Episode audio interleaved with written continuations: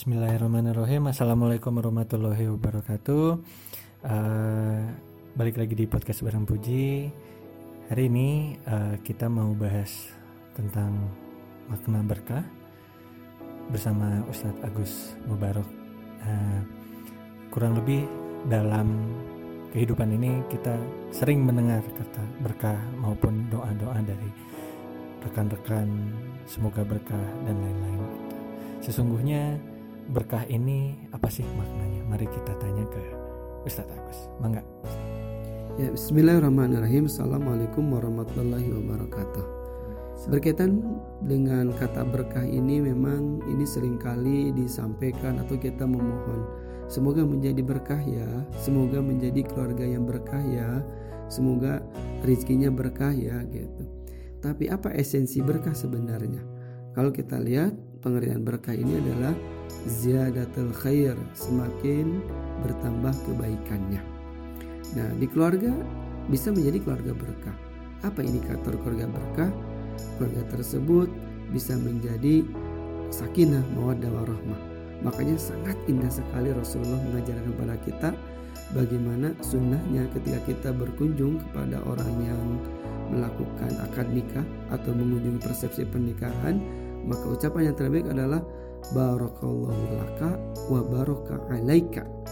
Berkah ketika akadnya ketika pernikahan dan berkah dalam menjalani rumah tangga tersebut. Wa baraka alaika itulah dalam Islam.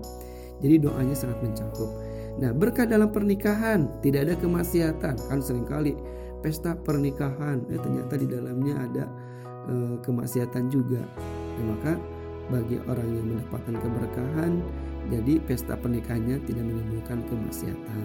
Kemudian yang kedua, dalam rumah tangganya ada yang disebut dengan rumah tangga berkah, yaitu rumah tangga yang bisa lebih mengenal dirinya, mengenal arti keluarga itu sendiri apa, dan mengenal bagaimana apa tujuan dari berkeluarga ini, akan dibawa ke mana keluarga ini, ya, sehingga kembali lagi eh, kepada arti daripada keluarga tersebut. Nah, bagaimana cara mencari atau mendapatkan keluarga yang berkah? Satu, sebagai kepala keluarga, sebagai pimpinan harus mencari rezeki yang halal. Ketika diberikan kepada keluarga, maka rezeki tersebut akan membawa keberkahan di rumah tangganya menjadi keluarga sakinah mawaddah warahmah. Anaknya menjadikan anak yang soleh dan solihah.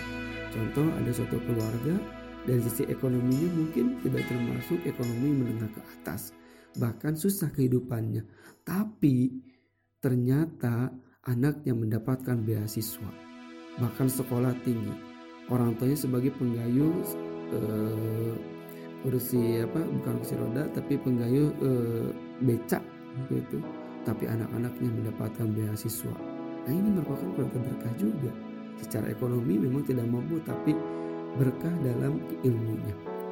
Kemudian ada juga berkah lingkungan. Berkah lingkungan di sini adalah bagaimana kita bisa mewarnai dalam kehidupan kita. Kita harus bisa lebih bermanfaat. Nah, berkah juga dalam eh, pencarian rizki. Bagaimana rizki tersebut, apa yang kita peroleh dari rizki tersebut bisa lebih untuk bermanfaat. Contoh, ada orang mendapatkan penerimaannya gajinya sebulan contoh 20 juta kemudian kebutuhannya melampaui dari penerimaannya ada juga orang penerimaannya sebulan hanya 500 ribu karena sebagai eh, apa contoh mohon maaf ada satu ini dia pendapatannya hanya 500 ribu tapi subhanallah dari 500 ribu dia bisa sedekah bahkan bisa berkurban bisa eh, untuk nabung untuk umroh tapi ada orang yang sampai 20 50 juta tapi untuk ibadah, untuk nyumbang, untuk sedekah jarang. Kenapa? Karena masih kurang terus gitu. Nah, jadi rizki yang berkah adalah rizki yang menimbulkan, menjadikan bermanfaat. Bisa beramal dengan rezeki tersebut. Keluarga berkah dengan keluarga tersebut bisa lebih beramal untuk bisa berbuat kebaikan. itu saja. Terima kasih. Assalamualaikum warahmatullahi wabarakatuh. Waalaikumsalam warahmatullahi wabarakatuh. Jazakallah khair. Ustaz Agus, semoga bermanfaat buat semua. Semoga juga teman-teman diberi keberkahan baik di kehidupannya, di rumah tangganya dan rezekinya. Kalau ada saran atau masukan lain bisa di aurora-studio.gmail.com sampai ketemu di podcast selanjutnya. Assalamualaikum warahmatullahi wabarakatuh.